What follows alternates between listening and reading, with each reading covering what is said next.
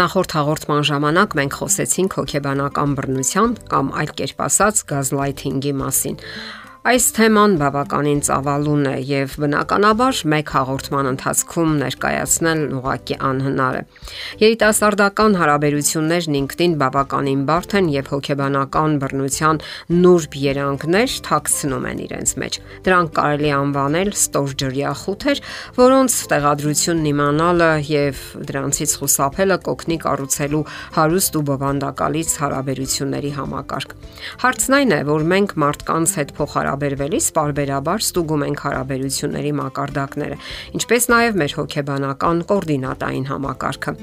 Այսպես ենք մենք հարմարվում, տեղավորվում իրականության մեջ։ Իսկ ահա հոգեբանական հիմնախնդիրներ ունեցող մարդկանց մոտ խաթարված է իրականության եւ ճշմարտացիության պատկերացումները։ Նրանք կարծես դուրս են իրականությունից եւ գործում են ոչ համապատասխան կոնկրետ իրադրությանը։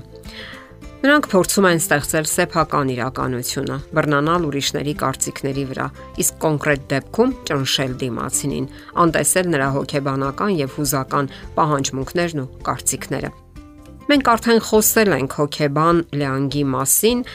որը առաջիններից մեկը մատնանշեց այդ կարևոր ճշմարտությունը։ Մարդը կարիք ունի ինքնահաստատման, իրականության ճշմարտությունները ընկալելու։ Իսկ հարաբերությունների դեպքում շատերը փորձում են խեղաթյուրել իրականությունը եւ դիմացինին համոզել այն բանում, ինչն իրականում գոյություն չունի։ Նրանք ասում են. Ես գիտեմ, որ դու իրականում այդպես չէիր կարծում։ Քեզ թվում է, որ դու այդպես էիր մտածում։ Դու այլ բան էիր ցանկանում Ընդ որում դա այնքան էլ միտումնավոր չի արվում։ Ոչ մի ծնող միտումնավոր հոգեբանական բռնության չի ենթարկում իր երեխային։ Դա արվում է յենթագիտակցաբար կամ գենետիկական մակարդակում։ Շատ երիտասարդներ այդպես են համակերպվում, չեն դիմադրում հոգեբանական բռնությանը եւ համաձայնում են ընկերություն անել կամ էլ ի վերջո ամուսնանալ։ Սակայն դա միայն դժբախտության եւ լարված հարաբերությունների է հանգեցնելու, իսկ ոչ քիչ դեպքերում էլ այդպիսի մի ընկերությունը պետք է ավարտվի ամուսնալուծությամբ։ Ինչպես դիմադրել։ Գոյություն ունի վարքագծի մարտավարություն, որի օգնությամբ հասուն մարդիկ կարող են դիմադրել հոգեբանական ճնշումներին։ Ուրեմն այսպես. զարգացրեք ձեզ եւ ձեր զգացումներին վստահելու հմտությունը։ Կարողացեք պնդել ձեր տեսակետները։ Հստակ նկարագրեք ձեր զգացումները եւ այն իրավիճակը, որն առաջացրել է դա։ Օրինակ կարող եք ասել. Ինչ շատ է բարկացնում ձեր վիրավորական վարքագիծն իմ հանդեպ։ Իսկ հիմա դուք ցանկանում եք անմիտի տեղ դնել ինձ կամ ներկայացնել որպես անհավասարակշիռ անznավորություն։ Հաջորդը, անհրաժեշտության դեպքում կարող եք վկայակոչել կամ հարցրեք կողմնակի դիտորդներին ու վկաներին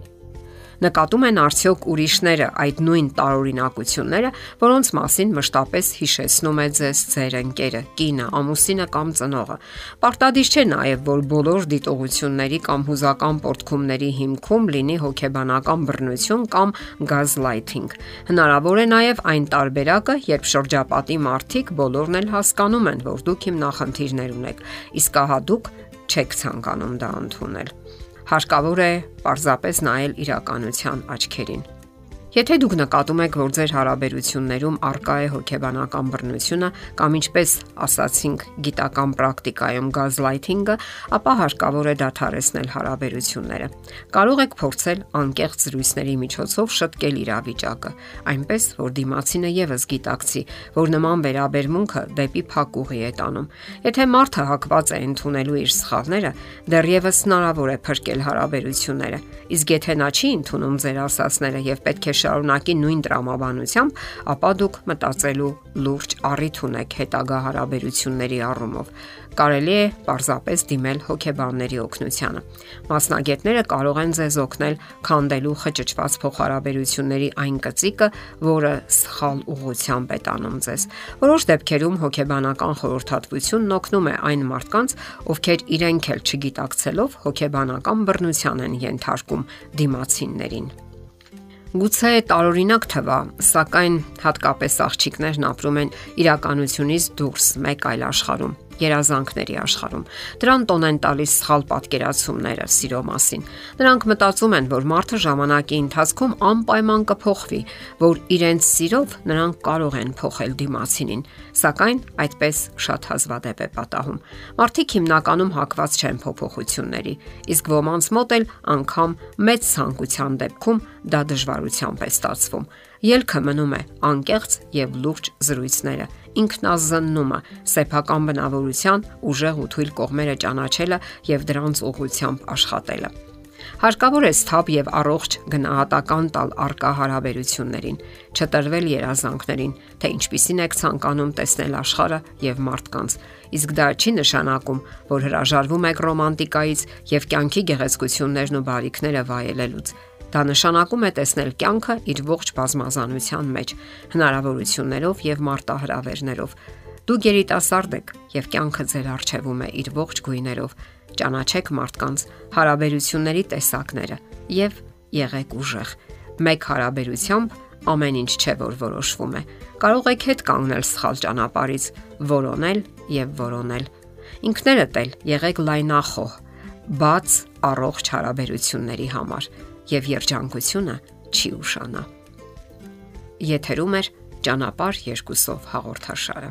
Հարցերի եւ առաջարկությունների համար զանգահարել 033 87 87 87 հեռախոսահամարով։